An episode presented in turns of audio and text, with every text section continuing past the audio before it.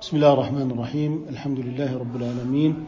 والصلاة والسلام على سيد الأولين والآخرين سيدنا محمد وعلى آله وأصحابه أجمعين. نحن في هذا اليوم الأحد في الثالث من شهر ربيع الأول لسنة أربعين وأربعمائة وألف للهجرة الموافق الحادي عشر من شهر تشرين الثاني لسنة ثماني عشرة وألفين للميلاد. وصلنا إلى عند قول المصنف رحمه الله تعالى وكفارة القتل الخطأ. يقرأ علينا النص الأخ بلال صالح بلبل تفضلوا مشكورين. وكفارة القتل في الخطأ واجبة عتق رقبة مؤمنة فإن لم يجد فصيام شهرين متتابعين ويؤمر بذلك إن عفي عنه في العمد فهو خير له. يكفي.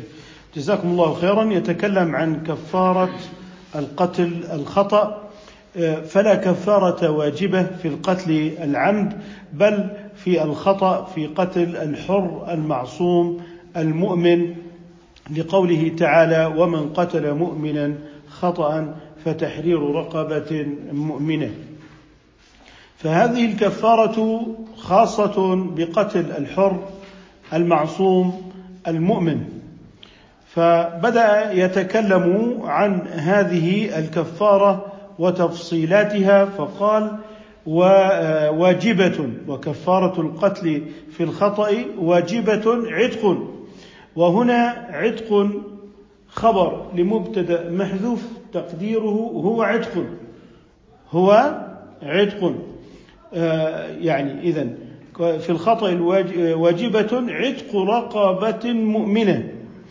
عتق رقبة مؤمنة. وهذه الرقبة يجب أن تكون سليمة من العيوب وأن تكون كاملة. فإن لم يجد إذا بدأ يتكلم أن أصناف أو هذه الخصال في كفارة القتل الخطأ أنها على سبيل الترتيب أنها على سبيل الترتيب. فقال فإن لم يجد فصيام شهرين متتابعين. ويؤمر بذلك إن عفي عنه. وهنا يؤمر بذلك إن عفي عنه على جهة الاستحباب. على جهة الاستحباب وليس على سبيل الوجوب. فيستحب له على سبيل الاستحباب. وكذلك الحال على سبيل الاستحباب في من قتل جنينا خطأ. فأسقط الجنين فإنه يستحب له أن يكفر بكفارة القتل الخطأ. إما على سبيل اللي هو إيه؟ عتق رقبة أو أن يصوم شهرين متتابعين على سبيل الترتيب. والآن لا يوجد رقبة يعتقها القاتل في القاتل في القتل الخطأ فلا محالة أنه يصوم شهرين متتابعين. لذلك كان الشيخ بي بن السالك رحمه الله فيما كنت أنظر في قضائه أنه كانت عنده قضايا قتل خطأ فلذلك يكون الحكم دية. وصيام شهرين متتابعين ولم يكونوا يتكلمون عن العتق لأن الرقاب غير موجودة فكانت الأحكام الفقهية يعني تكون مباشرة بمعنى أنه يحكم بدية وصيام شهرين متتابعين. وأذكر أن هناك كانت حالة من هذا النوع من القتل الخطأ فحكم بتعزير القاتل خطأ بحبس عام وكان بسبب القيادة باستهتار وسرعة زائدة فأظن أنه عاقبه عقوبة تعزيرية بأن حبسه عاما. إذا أمر بحبس العام وأمر بالدية وأمر أيضا بصيام شهرين متتابعين. وطبعا يعني موضوع صيام الشهرين المتتابعين يأمرها على سبيل الديانة أما القضاء فإنه لا يتابع هذا الصيام وكنت أرى في القضايا التي ينظر فيها دائما حتى لو كانت جنائية لم يكن يفارقه كتاب حاشية الدسوقي على الشرح الكبير للدردير. يعني الشرح الكبير على خليل حاشية الدسوقي على الشرح الكبير وكان هذا الكتاب بالنسبة الشيوخ بمثابة القانون الذي يحكم به فكان يحكم بناء على ما تقرر في نص خليل وقد شهدت ذلك في قضاياه وفي أحكامه رحمه الله تعالى. وكان يعني في بعض الأحيان تكون هناك بعض الخلافات فيما هو موجود في الواقع لا سيما في القضاء الحديث بالنسبة وعلاقته مع القضاء الشرعي. فقد كان آه، رحمه الله حازما فيما يتعلق بهذه الأحكام الشرعية وأذكر أنه فيما كان يعرضه من قضايا كانت له إنكارات كثيرة خاصة على الفحوص الجنائية على الفحص الجنائي وأن الفحص الجنائي يعني أحيانا يتعدى حرمة المفحوص من الناحيه الشرعية على طريقة البحث الجنائي في الغرب أنه لا يوجد عنده ما يسمى بالعورة أو كذا ممكن يتكلم بالخصوصية ممكن يتكلم ببعض الجوانب لكنها ليست مطابقة لما هو لدينا في أحكامنا الشرعية. فلذلك يعني كان ينكر تصوير الضحية مثلا عاريا قال لي هذا ما كنت أنكره إنه لا يجوز يعني آه، تصوير الضحية وهو يعني آه، عار وهذا يعني يخالف الشرع. هذا ملف قضية سيدخل في يد كل من يحمل هذا الملف من مراسل ومن قاضي ومن كذا. وكان يرى في هذا أنه شكل من أشكال المنكرات التي لا تصح والتي لا تجوز. آه، وكان هناك يعني نصح لكل من يعني يهمه الأمر من الدوائر المختصة بمراعاة حال المجني عليه فيما يتعلق بخصوصيته بعد موته وتصويره وما إلى ذلك. اذا صيام شهرين متتابعين لكن يقطع هذا التتابع لو صادفه آه، عيد الفطر لو صادفه عيد الأضحى لو صادفه الأيام التي يحرم صومها فعندئذ يجب قطع هذا التتابع. يعني بمعنى أنه آه، يكمل إلى بعد ما وصل إليه. أما إذا أفطر متعمدا فعليه أن يبدأ من؟ جديد. أما إذا يعني صادفه ما يجيز الفطره آه، أو عفوا آه، في رمضان كالمرض وما إلى ذلك كما يوجب الفطره شرعا مثل أيام العيد فإن هذا لا يقطع التتابع. بل يكمل من حيث وصل. أما إذا كان يعني آه، تعمد الأكل والشرب من غير موجب شرعي بمعنى ليس يوم العيد ليس لمرض آه، عندئذ عليه أن يبدأ صيامه من جديد ثم انتقل يتحدث عن آه، الحد وهو حد الزندقة وقال ويقتل الزنديق. وصلنا إلى عند قوله رحمه الله تعالى ويقتل الزنديق. تفضلوا أخي بلال. ويقتل الزنديق ولا تقبل توبته وهو الذي يسر الكفر ويظهر الإسلام. وكذلك الساحر ولا تقبل توبته ويقتل من ارتد إلا أن يتوب ويؤخر للتوبة ثلاثا وكذلك المرأة. ومن لم يرتد وأقر بالصلاة وقال لا أصلي أخر حتى يمضي وقت صلاة واحدة فإن لم يصلها قتل. ومن امتنع من الزكاة أخذت منه كرها. ومن ترك الحج فالله حسبه. ومن ترك الصلاة جهدا لها فهو كالمرتد يستتاب ثلاثا فإن لم يتب قتل. ومن سب رسول الله صلى الله عليه وسلم قتل ولا تقبل توبته. ومن سبه من أهل الذمة بغير ما به كفر, كفر. أو سب الله عز وجل بغير ما به كفر. قتل إلا أن يسلم. بارك الله فيك وجزاك الله خيرا. قال ويقتل الزنديق. والزنديق هو الذي يبطل الكفر ويظهر الإسلام. فإن كان في عهد رسول الله صلى الله عليه وسلم فهو المنافق. وإن كان بعد رسول الله صلى الله عليه وسلم فهو الزنديق. والزنديق نسبة إلى كتاب من كتب المجوس. نسبة إلى كتاب من كتب المجوس. قال ويقتل الزنديق ونحن نقول هنا وجوبا وحدا ولا تقبل توبته حتى ولو تاب من كفره. الزنديق المستسر بالكفر بمعنى لا يظهره ولكن حكمت البينة بكفره بمعنى أنه قد اطلع عليه يفعل الكفر الصريح. ولكن اطلع عليه بالبينة لا بإقرار أو بأنه قد جاء تائبا إلينا.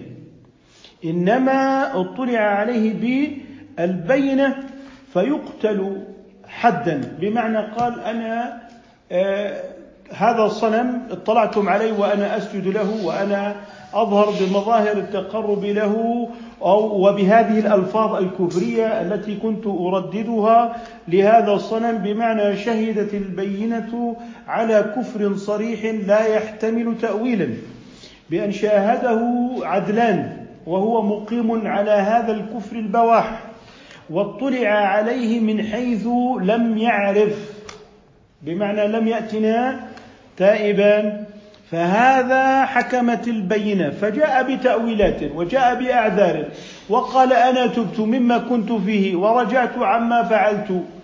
فعندئذ فإن فائدة ذلك أنه يقتل حدا ولا تنفعه التوبة في الدنيا وتنفعه التوبة في الآخرة. قلنا لماذا لم تقبل توبته؟ قلنا لأن الحدود لا تسقط بالتوبة. زنى سرق ما إلى ذلك قذف قال تبت فإن الحدود لا تسقط بالإيه؟ بالتوبة وتوبته من كفره إذا يعني أنكر بعد أن شهدت به البينة. ما دليل قتل الزنديق؟ ما أخرجه البخاري رضي الله عنه أن عليا أتي بزنادقة فأحرقه. فبلغ ذلك ابن عباس فقال لو كنت أنا لم أحرقهم لنهي رسول الله صلى الله عليه وسلم لا تعذبوا بعذاب الله ولا قتلتهم لقول رسول الله صلى الله عليه وسلم من بدل دينه فاقتلوه. اذا هنا عرف الزنديق الذي يسر الكفر ويظهر الإسلام. الآن ممكن أحدهم يقول هذا يعني يتعارض مع حرية التعبير يتعارض مع حرية الرأي يتعارض مع حرية العبادة. هذا قول لكن لماذا إذا هذا الإنسان خان وطنه وأفشى سر جيوش بلده يعاقب بالقتل؟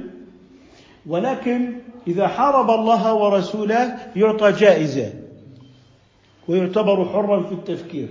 نحن في آه، ميدان المجتمع الإسلامي وميدان المجتمع في الفكر اللاديني هناك تباينات في عمود المجتمع. في الفكر اللاديني عمود المجتمع القوم متجانسون في الأفكار. منها كما هو في الفكر اللاديني أن هذه الأديان جميعا كلها قضايا فردية وشخصية فليعبد الإنسان في حياته الخاصة. ما يعبد المهم أنه يدفع الضريبة ولا يخالف القانون ولا يخالف القانون بحسب ما يضعه المجتمع في برلماناته من قوانين تمثل إرادة مغلظة بينما إرادات الأفراد تمثل إرادة مخففة ولا يجوز أن تكون الإرادة المخففة للأفراد معارضة لما يضعه المنتخبون من قبل الأفراد في برلماناتهم. اذا جعلوا الناس مثلهم في مقام التشريع للمخلوق الضعيف آه، مثلهم. وعندئذ هناك استبداد من الفكر الإنساني المنتخب بالفكر الإنساني الذي مارس الانتخاب. بمعنى أنت أيها الفرد لك سلطة الانتخاب يوم في الخمس سنين التي هي الدورة البرلمانية. ثم يستبد بك البرلمان لمدة خمس سنين فهي عملية تنظيم لتبادل الاستبداد. تنظيم لتبادل الاستبداد. استبداد الإنسان بالإنسان على وفق ما أنتجته خريطة الحروب المعاصرة من هذه الدول التي اجتمعت فيما بينها ثم أسست منظومات دولية. إذا المنظومة التي تقوم عليها الدولة في الفكر اللاديني ليس ليست العقيدة إنما اللا عقيدة واللا دين وعليه لا يضرهم أنه تدين بعبادة الإبل أو عبادة القرود أو عبادة الحجر أو الشجر أو البحر، فهذه كلها بالنسبة لهم سواء، لكن إذا دخل البنك فعليه أن يلتزم بدفع الرسوم وما إلى ذلك، اذا هناك إنتاج للمواطنة على أساس الجغرافيا. والانتماء الجغرافي للبشر. وهناك أيضا عقوبات إعدام إذا يعني خنت هذا الوطن وخنت هذه الجغرافيا المتشكلة حديثا أصلا في ضمن الخارطة البشرية للسكان والأرض. طيب لكننا لا نجد ذلك في الإسلام. الإسلام لا يقوم على انتماء الإنسان إلى قوم أو قبيلة أو إلى خارطة جغرافية بمعنى أن هذه الجغرافيا التي نتجت عن الحروب والانتصارات في الحروب والقابلة للتبدل إذا تجددت حروب جديدة بمعنى أنه يجب أن تقاتل من أجل هذا الوطن، تقاتل من؟ تقاتل الوطن المجاور. طيب والوطن المجاور يقاتل الوطن المجاور أيضا. اذا أصبحت الحروب والدماء تسفك على أساس الجغرافيا. هل هذا تجديد في الحياة الإنسانية أم أنه آه، عبارة عن طور متقدم للقبيلة في العصور البدائية اذا أنت طور متقدم يعني كان هناك القتال على القبيلة والدم ومن أجل الكلأ والماء الآن أصبحت آه، قضايا القتال والدماء تعتمد على أساس الخارطة الجغرافية القومية. وكانت في القديم من أجل الكلأ والماء والنار الان أصبحت من أجل الذهب ومن أجل النفط والمعادن والمواد الأولية، فنحن لا نلحظ هنا ضمن هذا النموذج تجديدا على حياة الإنسانية بل على العكس، أنت تموت من أجل هذا الوطن والذي بجوارك يموت من أجل وطنه، اذا أنت تموت من أجل الوطن وذاك يموت من أجل الوطن، من الذي على حق؟ هذا يموت من أجل وطنه وذاك يموت من أجل وطنه، وهذه الحياة تزهق من أجل الوطن، وهذه الحياة تزهق من أجل الوطن، طيب من الذي على حق؟ الذي ينتصر. هو الذي على حق فيأخذ قطعة من وطنك ثم يمتد هذا الوطن إلى انتماء جديد. وقامت حروب على أساس المحافظة على وحدة الأرض الوطنية واعتبر فيها ملايين من الشهداء حراسة لهذه الوحدة الوطنية ثم بعد ذلك قسمت الأرض من النصف طيب هؤلاء الذين استشهدوا من أجل وحدة الأرض وإذا بهذه الأرض أصبحت لها شرعية جديدة طيب ما بال هؤلاء الذين ماتوا من أجل تلك الشرعية السابقة؟ اذا الإسلام لا يقيم حياة الإنسان وجودا وعدما على ضوء الجغرافيا المتغيرة وعلى ضوء الخرائط ذات النقاط والأسطر إنما يقيمها على أساس الإيمان بالخالق. وهذا هو تشريف الإنسان شرفا ما بعده شرف. فعندما يقاتل في سبيل الله قتال أخلاقي لتكون كلمة الله العليا لا يبتغي معادن لا يبتغي الكلاء لا يبتغي عليكم السلام ورحمة الله. لا يبتغي شيئا من أشياء الدنيا إنما يقدم روحه لله على أمر غيبي لا يبتغي شيئا من الدنيا. هذا هو السمو الأخلاقي بينما ذاك بسبب اللي هو قتال الفكر اللاديني في موضوع فكره في الوطن إنما يستبد بحياة الضعفاء والمساكين ويبيد الشعوب المستضعفة في الدول الاستعمارية من أجل حزم من النحاس أو قبضه من الألماس.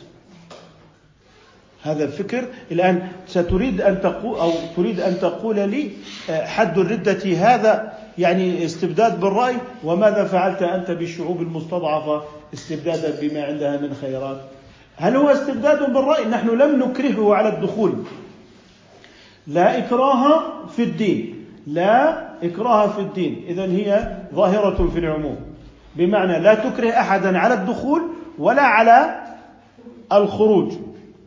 لذلك في قوله في من ارتد وقد كان يظهر الإسلام نقول الآتي نحن لم نكرهه على نطق الشهادتين. لكنه عندما أعلن انتماءه لهذه الأمة التي عمودها الإيمان وليس الجغرافيا.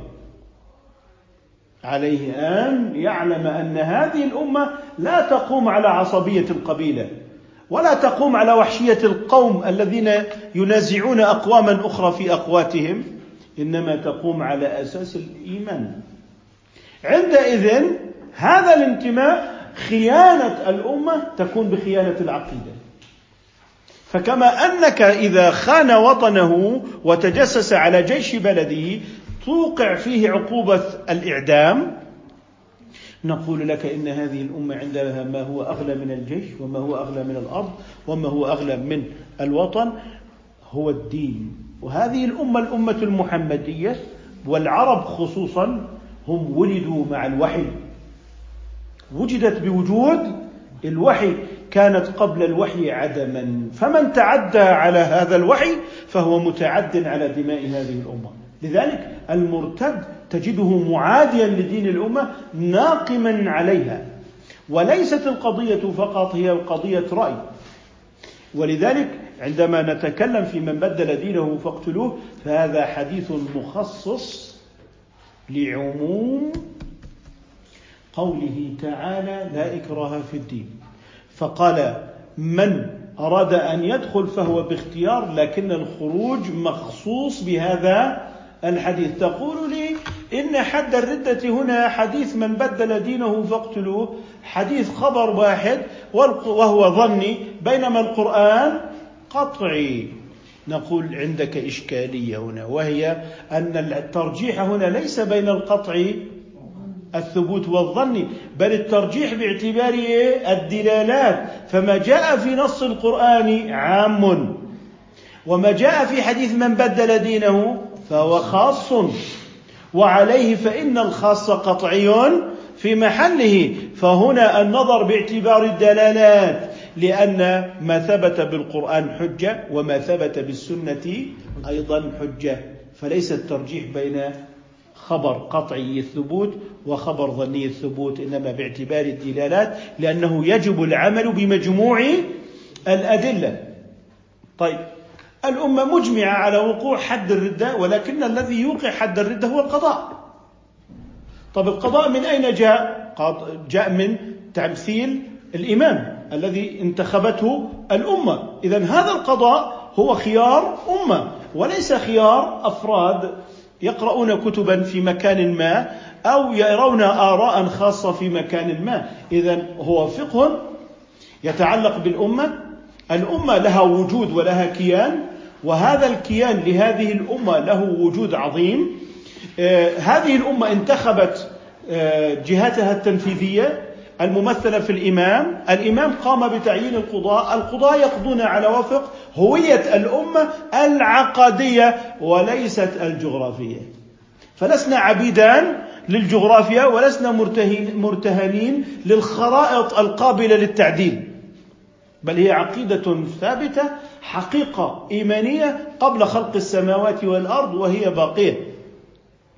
ولذلك هذا من السمو الروحي هذا من الانتفاع على الدنيويات الفانية وأن هذه الأمة ميلادها في هذا الدين. ومن تعدى على هذا الدين فهو معتد على وجودها. إذا هكذا ننظر إلى حد الردة وأن الذي ينظر فيه قضاء يتحقق من الشروط يتحقق من انتفاء الموانع يمنح فرصة للتوبة لأمر الإمهال وما إلى ذلك من مثل هذه القضايا التي يقوم بها قضاء له احترامه. الأفراد ليس لهم شأن في الدماء بالمرة ليس لهم شأن في الدماء بالمرة لا علاقة لهم فيما يتعلق بالدماء. إنما تنفيذ الأمر للقضاء الشرعي المختص وهذا مظهر حضاري. لذلك من تظهر منهم الردة ويتراجعون أو يفعلون فإننا نقول إن ما يتعلق بالدماء إنما هو خاص بالقضاء في الإسلام. طيب فإن لم يقم القضاء بواجبه فلا نتحول نحن إلى القضاء لأن القضاء له شروط له بينات له اختصاص. نتحول عندئذ إلى إنكار المنكرات بالقول ولا نمنح هؤلاء المتعدين على عقيدة الأمة ودينها لا نمنحهم تزكية بأن يعني يصبحوا أبطالا نتيجة شذوذهم ومشهورين نتيجة هذه الأقوال الشاذة في الدين. إذا الإجماع على أن الردة حد من حدود الله مجمع عليه لا يتعلق بقضية رأي أو عدم رأي لم يجبره أحد على دخول الإسلام. الإسلام عموده الدين. وهذا الدين هو عمود هذه الأمة. طيب الآن آه، ماذا حدث في آه، أولئك الذين انتحلوا أفكارا معادية للإسلام كالاشتراكية والذين ماذا فعلوا بحملة القرآن؟ سفكوا دماءهم. إذا كان الشرع سباقا إلى حماية الأمة ودمائها أن حماها من هؤلاء المارقين. الذين مرقوا على دين الأمة ومرقوا على انتمائهم.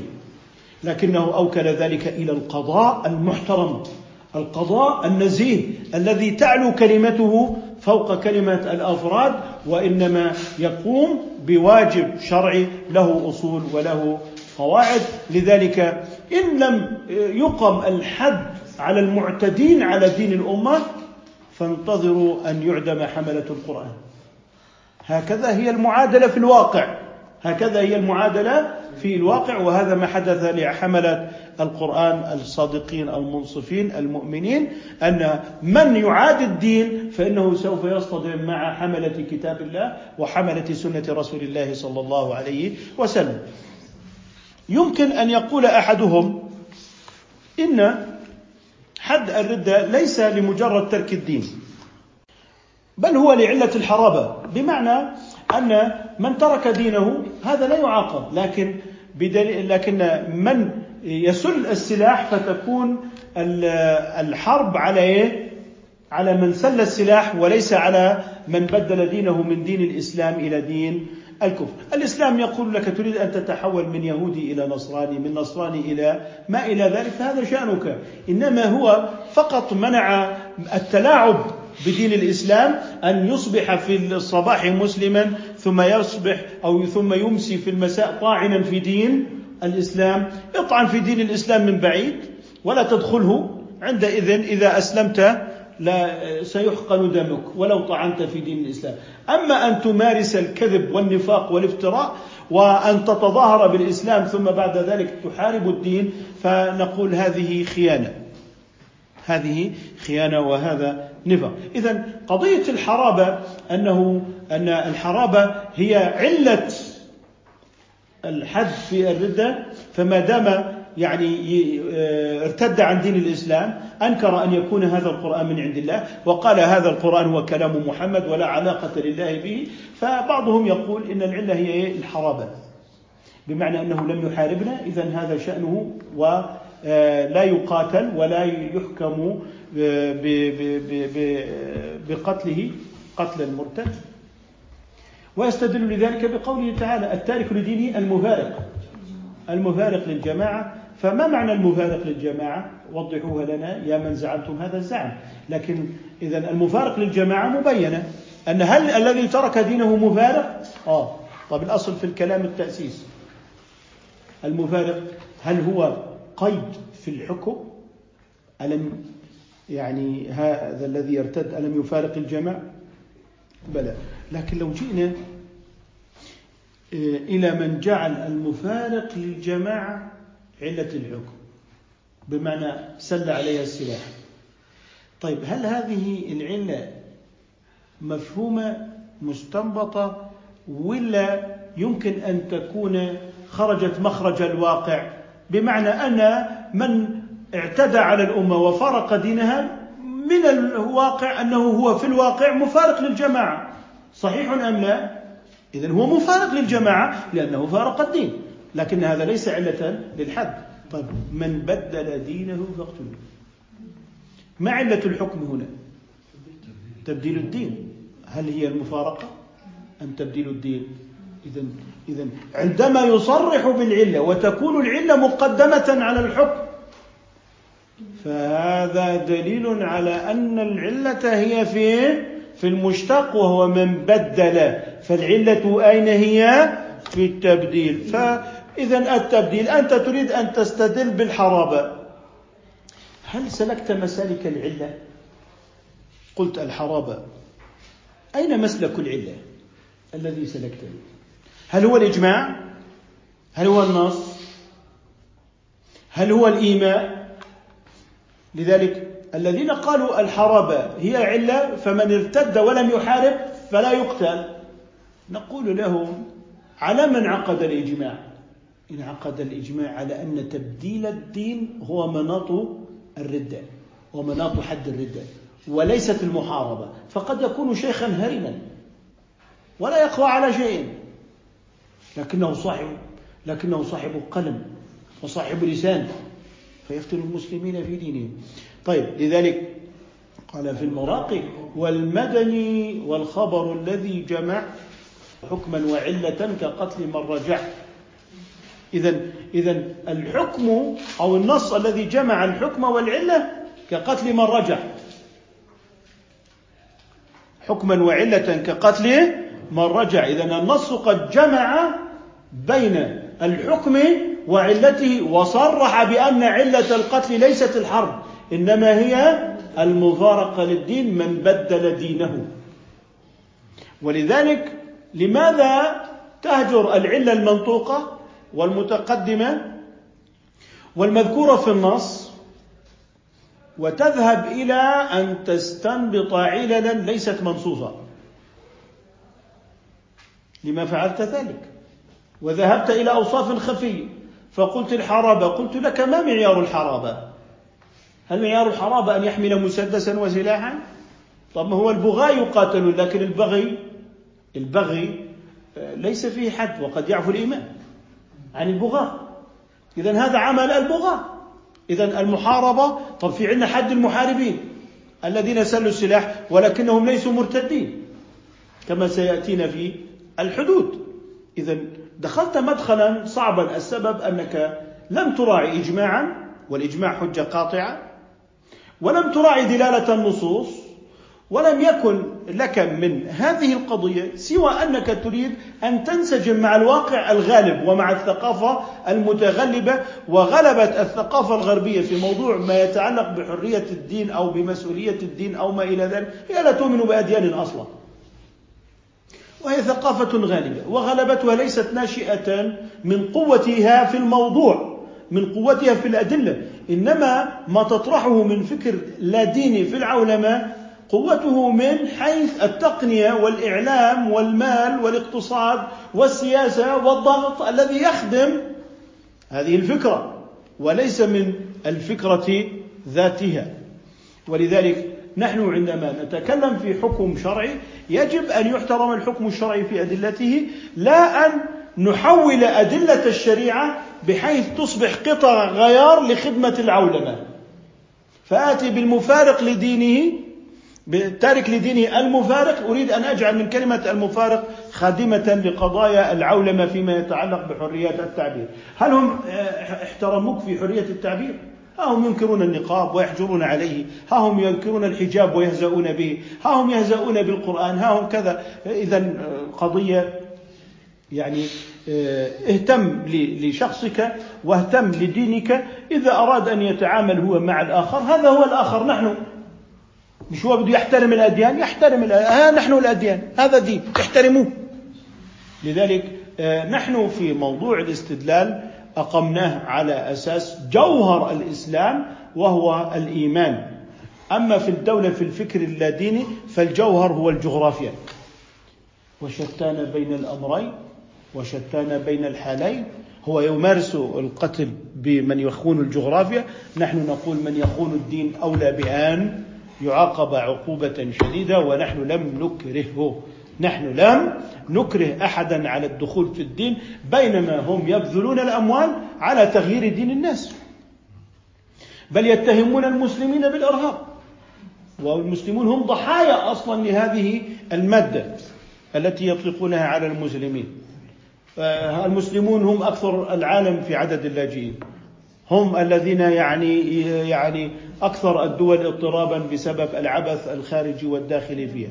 فعلى المسلمين أن ينتبهوا لدينهم وأن هذا الدين هو قوامهم وعنوان وجودهم وأن هذا الدين هو الذي يفلحون فيه في إقامة المجتمع الصالح. واحد أنكر مثلا آه، مثلا حد الزنا. ماذا سيحصل؟ عليك أن تنتظر الكائنات البيولوجية القادمة. أجيال لا تؤمن إلا بالبيولوجيا مجردة من الأخلاق مجردة من الفضائل. تعيش وتأكل ليومها. هؤلاء ماذا يفيدهم في الانتماء؟ هؤلاء لا ينتمون إلى وطن ولا ينتمون إلى أرض. هؤلاء لا ينتمون إلا إلى بطونهم. ستخرج أجيالا معدمة من الأخلاق. آه، إذا أين سيربو هذا الكائن البيولوجي إذا لم يكن هناك إطار الزواج في العلاقة بين الرجل والمرأة؟ أصبحت البشرية تتكاثر كالبكتيريا. هذا لو أنكر حدا من حدود الشريعة المعلومة من الدين بالضرورة. ونحن نقول البيوع لحفظ العيش والزواج لحفظ النوع والحدود لحفظ المجتمع. إذا هذه الحدود حارسة للأمة. طيب على فرض الآن انظر إلى عدد قتل الأمراض الجنسية أكثر من عدد قتل الحروب العالمية. لو أن كان هناك حد من حدود الله روعية هل يصل هؤلاء البشر إلى ما وصلوا إليه؟ وهو أن عدد قتلى مرض الإيدز أكثر من قتل الحروب؟ إذا لو كان هناك حدود لحمت هذه الحدود الإنسانية وحمتها من الهلاك. لذلك علينا أن ننظر إلى ما أجمعت عليه الأمة. من هذه القضايا الاعتقادية والفرعية والأصولية إنما هي سياج حامل لهذه الأمة. وللإنسانية أيضا. طيب من الذين دعوا الإنسانية إلى الوقوع في مهلكة الفواحش؟ الخمر الذي أفسد الأسر وشتتها. إذا لو أننا طبقنا هذه النماذج من الحدود الشرعية لطبق على بضع أفراد لكنك حميت عشرات الأفراد. عشرات الآلاف من الأفراد. على كل حال هذا نموذج فيما يتعلق بحماية الشريعة وفيما يتعلق بهذا الحد الذي ذكرناه حد الزندقة وأننا لسنا في القضية هنا أمام قضية حرية تعبير. هذا إنسان آه، يخفي عقائده يتستر بعقائده. كذلك لو كان معلنا لها فهو معلن للحرب على هذه الأمة لأن وجود هذه الأمة هو وجود عقدي. ربما يقول قائل إن حد الردة هو من مسائل الإمامة وليس من مسائل التشريع أو من مسائل النبوة. نحن نقول الأصل في الأحكام التي يأتي بها النبي صلى الله عليه وسلم هل الأصل فيها الإمامة ولا الأصل النبوة؟ النبوة. إذا لماذا انتقلت من النبوة إلى الإمامة؟ أين موجب الانتقال؟ نحن نقول إن النص ظاهر وتأويل. الأصل النبوة الإمامة أو الجبلة تأويل أليس كذلك؟ طيب أين موجب الانتقال؟ ما الذي نقلك من النبوة؟ اللي هي تشريع ممتد إلى يعني ما شاء الله لامتداد هذا الكون في الزمان والمكان. ويلزم العموم في الزمان والحال للأفراد والمكان. أين موجب الانتقال إلى الإمامة؟ أنت تصرفت وانتقلت من الظاهر إلى التأويل بلا موجب شرعي. ونحن نقول إن الظاهر دليل بنفسه ولا يجوز الانتقال إلى التأويل إلا بموجب شرعي. فإذا انتقلنا من العام إلى الخاص. مثلا آه، لا إكراه في الدين انتقلنا إلى من بدل دينه فاقتلوه. هل انتقلنا من الظاهر إلى التأويل بالتخصيص بموجب شرعي هو من بدل دينه ولا من عندنا؟ بموجب شرعي. أعطني الموجب الشرعي الذي انتقلت فيه من النبوة إلى الإمامة. لا يوجد. لا يوجد مسوغ أبدا. واضح الكلام. إذا الأصل في المسائل النبوة وليست الإمامة وهذا حد وهو مجمع عليه. هل يجوز الاجتهاد في مسائل الإجماع؟ طيب ما هو أول مبدأ في الإجماع؟ أو في الاجتهاد؟ النظر في الإجماعات. المجتهد قبل أن يبحث في النص عليه أن يبدأ بإيه بالإجماع. فإذا انعقد الإجماع فيمنع من الاجتهاد. لماذا؟ لأنه إن وافق الإجماع فهو تحصيل حاصل. وإن خالف الإجماع فباطل. فما فائدة النظر؟ فما فائدة النظر؟ إذا لا فائدة. إذا أول ما يبحث فيه المجتهد قبل النظر في النصوص في الإجماع وفي النفي الأصلي. النفي الأصلي اللي هو البراءة الأصلية. وما كنا معذبين حتى نبعث رسولا. هذا الذي يبحث فيه المجتهد. طيب فإن قلنا للناس اجتهدوا في الكتاب والسنة. وتركت الإجماع والإجماعات وراء ظهورنا. ما معنى ذلك؟ دلالات الكتاب والسنة ظنية أم قاطعة؟ ظنية. فإن كانت ظنية محتملة لمعنى راجح هو الظاهر ولمعنى مرجوح هو التأويل فكيف تتفق الأمة إذا أحلتها إلى نصوص دلالتها ظنية؟ كيف؟ لن تجتمع أبدا. لذلك لما أطلقت الأمة نحو النصوص وكانت قابلة لوجه ظاهر هو راجح ابتداء ولوجه مرجوح هو تأويل انتهاء. الأمة لم تتفق على شيء لا على حدود ولا على عقائد وأصبحت عقائدها كلها محل شبهة. لكن هذا كان بسبب الإخلال بأول درجة وأول مرحلة من مراحل الاجتهاد ألا وهي مرحلة النظر في الإجماع.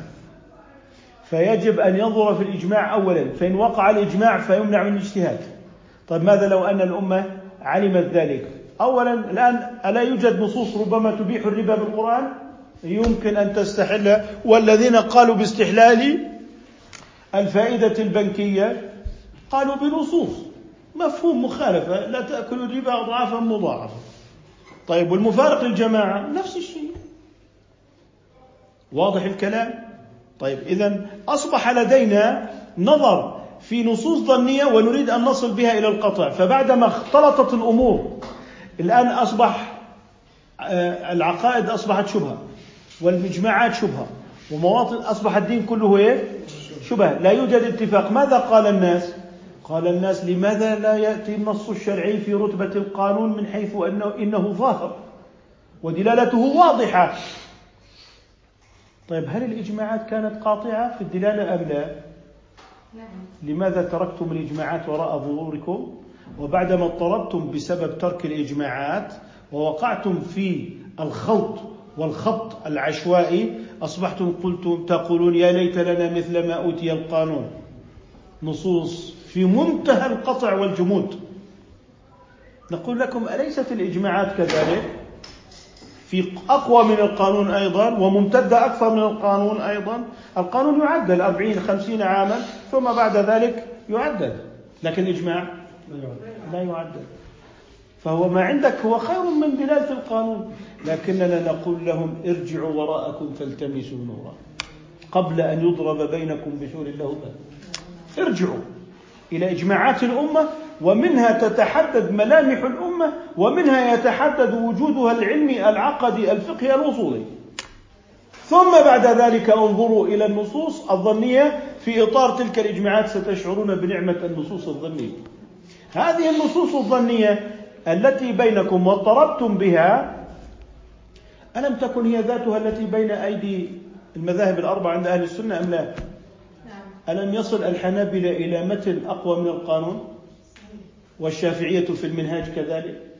والحنفية مثلا في الهداية؟ والمالكية في مختصر خليل؟ فلماذا وصلت الأمة بالأدلة الظنية إلى هذه النصوص التي هي أوضح من القانون وأقوى؟ بينما أنتم عندما ذهبتم إلى ذات النصوص تفرقتم شذر مزر وتفرقتم أيدي سبع. ولم تعد لكم قائمة حتى في الدين حتى الناس يقولون أين الدين؟ لم يعودوا يعرفونه لماذا؟ لأنه قيل لهم اذهبوا إلى الكتاب والسنة مباشرة وتركوا الإجماعات وراء ظهورهم فكانت هذه الإجماعات هي الحامية للأمة. فهي بمثابة السياج على الحديقة والمزرعة. أسيجة عالية تمنع العابثين من الدخول إلى الثمار. وكانت النصوص الظنية هي تلك الثمار. فلما أسقطت الإجماعات وتعلم الطالب في دراسته الشرعية من ادعى الإجماع فقد كذب لا يحفظه إلا ذلك. لذلك يأتي بهذه الأدلة المفارق للجماعة يأتي بعلة الحرابة يخترعها من هنا ويأتي من هنا فأصبحت الشريعة ليست بشريعة وأصبحت قضية شخصية ووجهة نظر فردية. إذا لابد من التأكيد على أن القرآن الكريم قد صنف الطوائف بحسب المواقف. فصنف الناس هو الذي خلقكم. فمنكم كافر ومنكم مؤمن. ما صنفهم على العرق ولا على الدماء. وأبطل التمييز بين البشر على الأعراق والدماء. إنما قسمهم بحسب إيمانهم بربهم. وتلك هي القسمة العادلة. فلذلك الآن الانتماء القومي والتعالي القومي والجغرافي هو المتحكم في البشرية وليست هذه قضية من السمو الإنساني والأخلاق العالية. لذلك لا يتجر علينا أحد بالأخلاق ولا يتجر علينا أحد بالتعالي عن العنصرية والقومية وهو أصلا يستجيز لنفسه الاغاره على جنوب المتوسط من أجل لعاعه من الدنيا وما إلى ذلك ويفلسف هذه الأمور بهذه الفلسفات الباطلة. لذلك هذا الدين وهذه الشهادتان أقيمت عليهما السماوات والأرض. فإذا خلت الأرض من الشهادتين دمر الله الكون. وأنهى الوجود عليه لأنه لا يستحق فإذا يعني قتل معتد على الشهادتين ومعتد على الإسلام ومعتد على الدين وعلى وجود الأمة تستثقل ذلك أما إذا قتل آلاف من البشر لأجل المعادن والمواد الأولية أصبح هذا قتال مب... هذا قتال مبرر وله مسوغاته وهو جائز في لغة المصالح وخدمة الأوطان الغازية والمغزوة. أي اضطراب أدخل على الإنسانية في هذه الحروب العبثية التي أسمى مقاصدها أن تكون حزم من النفط أو النحاس أو الحديد أو المواد الأولية. تفضل دكتور أحمد. إذا تكرمتم فضيلة الدكتور آه، سؤال يطرح آه، كيف آه، ننسق بين حرية العقيدة في الإسلام وحرية الرأي وحرية التعبير وحرية الفكر وبالمقابل ما يجول في السوق بين أنكم يعني تحتكرون الفكر الإسلامي وتمنعون الاجتهاد في التفسير وفي الفقه وإلى غير ذلك. كيف ننسق أو نوفق ما بين الرأيين؟ طيب. أشكرك دكتور أحمد على هذا السؤال الجميل.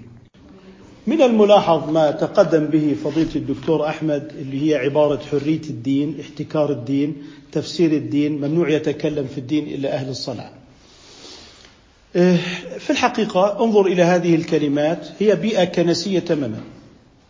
يعني حرية الدين كانت هناك الكنيسة تمنع أي تدين أيا كان. الإسلام يبيح على أرضه وتحت سيادته دين النصرانية ويقيم تعاملات من زواج وطعام ومعاملات حسنة وصدق في المعاملة وهذا من جوهر دين الإسلام، هل الكنيسة تقبل ذلك؟ لا تقبل ذلك البتة لذلك لما كانت الكنيسة مهيمنة على التفكير نشأت الحرية حرية الدين كرد على من؟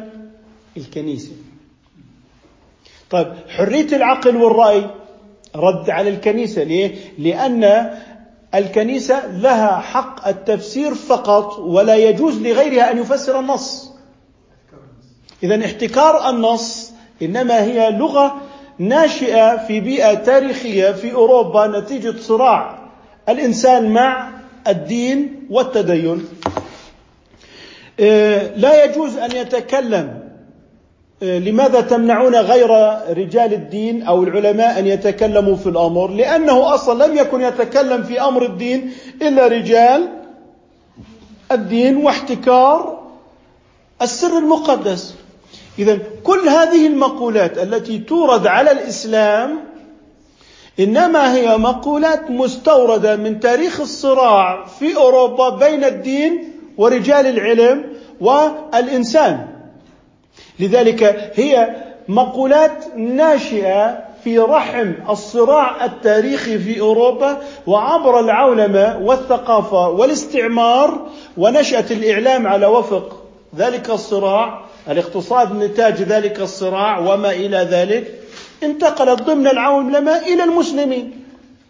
فالمسلمون يصومون ستا من شوال ثم بعد ذلك يرددون مقالات نتيجة صراع كنزي. بمعنى أنك أمام تدين حاله من العواطف لكن العقل لم يستقم بعد على أصول الإسلام في التفكير. ولذلك لا يوجد احتكار لتفسير النص. كتاب الله مفتوح وهذه سنة النبي صلى الله عليه وسلم مفتوحة وهذه أصول. وعلى ضوء هذه الأصول تفسر هذه النصوص. أين الاحتكار؟ إذا كنت أنت الآن تأتي بقول العلماء فتعيد تقييم ومحاكمة هذه الأقوال على وفق أصول وقواعد منهجية. ومنهجية واضحة ومكتوبة. أين احتكار الدين؟ أم المراد تحت هذه الكلمات تغيير الدين؟ بمعنى إنه تطبيق الآراء التي كانت في مواجهة الكنيسة في العصور الوسطى يراد أن يجند هذه الأقوال في مواجهة دين الإسلام، مين قال باحتكار النص عندنا؟ من قال إن هناك وجود سلطة دينية عندنا؟ لذلك لا توجد لدينا سلطة دينية أصلا. لا توجد. وظيفة العلماء في الإسلام البيان توجد سلطة واحدة هي سلطة الخليفة والإمامة بس أين الصراع بين السلطتين لا يوجد سلطتان أصلا لذلك هم يريدون أن يصطنعوا غصبا عن الواقع وغصبا عن الحقيقة اصطناع سلطة للعلماء. ومشكلتهم في الدين الإسلامي أنه لا توجد سلطة علماء. لأنهم لا يتصورون أن بضاعتهم لها دور إلا عبر وجود صراع بين سلطة دينية وسلطة زمنية اللي هي القيصر كانت عندنا الخلافة. لذلك ادعوا بأن علم أصول الفقه كتب تحت يد بني أمية أو تحت الخلافه العباسية. ليه؟ لأنه يريد أن يخترع مشكلة لتناسب حلا. فهو يرى أن حله في الفكر اللاديني لا يقوم إلا على وجود سلطة دينية. فهو يريد أن يستورد هنا سلطة دينية ثم بعد ذلك يريد أن يسوغ للفكر اللاديني. فيريد أن يقول إن قواعد علم أصول الفقه هي قواعد عند بني أمية. إذا كانت أصول الفقه واستمداداته من اللغة هل اللغة لغة العرب أم لغة بني أمية؟ طب بعدما زال بنو أمية في سنة اثنتين وثلاثين ومائه لماذا لم يعاد كتابة أصول فقه جديدة على وفق آه، آراء بني العباس؟ زال بنو العباس. لماذا لم تعد كتابة أصول الفقه لتناسب العثمانيين؟ السبب بسيط. أن استمدادات علم أصول الفقه لغة العرب وهي ثابتة. سيبقى الفاعل مرفوعا والمفعول منصوبا ولن يتغير في ذلك شيء. والمعجم قد ثبت ومعجم الخليل بن أحمد معجم العين لم يتغير. وبداهات العقول كاستغراق العام لجميع أفراده بديهة عقل إنساني مطبقة في كل الأرض ومطبقة في القوانين الفرنسية الآن. أن العام يستغرق أفراده. أن ما ثبت على خلاف القياس فعليه لا يقاس. أعطني قانونا في الغرب عندما يعدد استثناءات أنه يجيز للقاضي أن يقيس على الاستثناءات هذا هو علم أصول الفقه.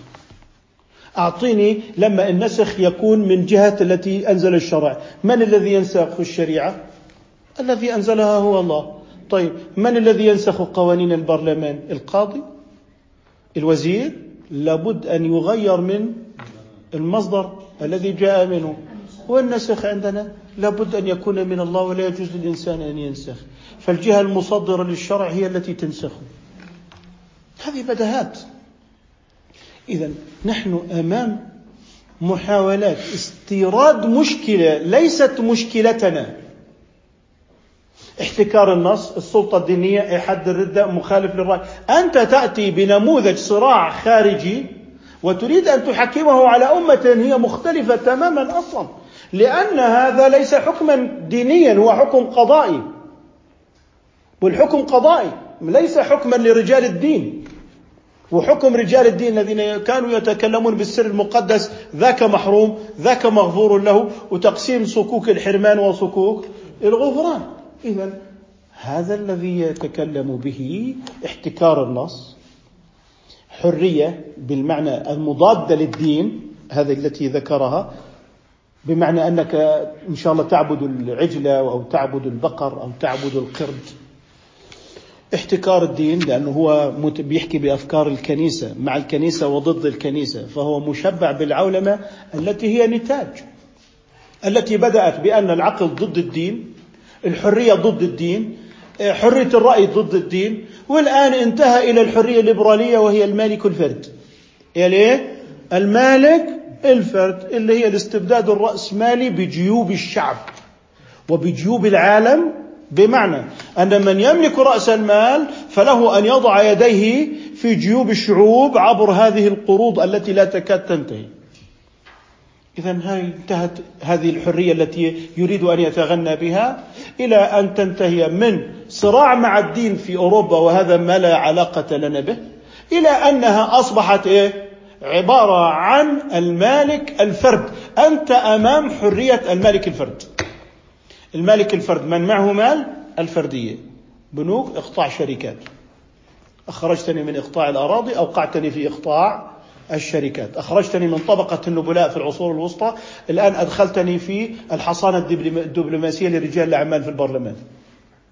أنت لم تغير علي. أنت أخرجتني من آه، صراع القبيلة على الماء والكلى والنار. أدخلتني في صراع الجغرافيا والقومية الجغرافية القائمة على خارطة الجغرافيا على المعادن والمواد الأولية. أنت لم تطور على حياة البشرية كثيرا. الإباحية المزدكية والزردشتية أنت الآن تمارسها تماما. لا يوجد مقدس. من هنا نحن عندما يعني نأتي إلى هذه المفردات لم نجدها متداولة في التاريخ الإسلامي. إنما هي نتاج هيمنة العولمة الثقافية في رؤوس المتدينين بعض المتدينين لا أعني كل المتدينين. أنها مهيمنة على رؤوس المتدينين وهي إعادة تفسير الإسلام بما يتوافق مع العولمة المهيمنة. فاصطدموا مع شيء وازن كالحجاب فأعادوا تفسير آيات الحجاب كما يشتهون. كحد الردة يريدون أن يعيدوها كما يشتهون. حرية الدولة والإمامة يريدون أن يحولوا مسائل النبوة إلى الإمام اللي هو رئيس الوزراء. خلاص. طب هاي رجال دين. يعني إذا أصبح رئيس الوزراء أو رئيس الجمهورية أو رأس الدولة بديلا للنبوة عبر مسألة الانتقال من النبوة إلى الإمامة بدون دليل إذا ماذا فعلنا؟ أعدنا إنتاج رجال الدين. أعدنا إنتاج إيه؟ رجال الدين وأعدنا إنتاج السر المقدس. لذلك هذه خطورة كامنة هنا بمعنى أن تحول مسائل النبوة كالحدود وتجعلها إماما. يجوز للإمام أن يدع ويترك في مسائل الإمامة مثلا صح ولا لا؟ طيب فإذا جعلت الدين للإمام يفعل ويترك ما قيمة النبوة؟ لا شيء لم تبقى نبوة. إذا ألم يصبح رجال الدين بديلا عن الأنبياء؟ هذا هو هذه عقيدة رجال الدين. فإذا أسندت الحدود إلى الإنسان القاضي أو الإنسان اللي هو بمعنى له أن يدعها وأن يكون ذلك من حق رجل الدولة فهذا إعادة إنتاج رجل الدين وهذا أخطر شيء على الإنسانية. إنه أصبح سلطة أعلى من النبوة لأنه يضع ما حكمت به النبوة ويرفع ما حكمت النبوة بوضعه. ماذا تريد أكثر من ذلك؟ إذا أنت أمام حالة من تسلل وتغلغل الفكر اللاديني عبر العولمة وتأثيراته على عقول بعض المتدينين فهو يصلي معك لكن يعني عقله موغل في هذه الأفكار. التي هي ليست من بنيات التاريخ ولا من بنيات التشريع ولا من بنيات الثقافة الإسلامية إنما هي بضاعة مقلدة ومستوردة. وهؤلاء بهذه البضاعة إنما يستهدفون المستهلك الرديء للثقافة. هؤلاء مستهلكون رديئون للثقافة بمعنى أنهم لا يعولون على مناهج علمية. انظر عندما قال آه، آه، الردة اللي هي حد حد حرابة. قلت له من أين لك هذا؟ ليس له شيء. لكن لما سألتني قلت لك من بدل دينه فاقتلوه. أكتفي بهذا القدر إن شاء الله تعالى. سبحانك اللهم وبحمدك نشهد أن لا إله إلا أنت نستغفرك ونتوب إليك ونكون قد وصلنا إلى عند قوله وكذلك الساحر. تبارك الله سبحانه وتعالى. نسأل الله أن يعلمنا وأن يفهمنا. والسلام عليكم ورحمة الله وبركاته.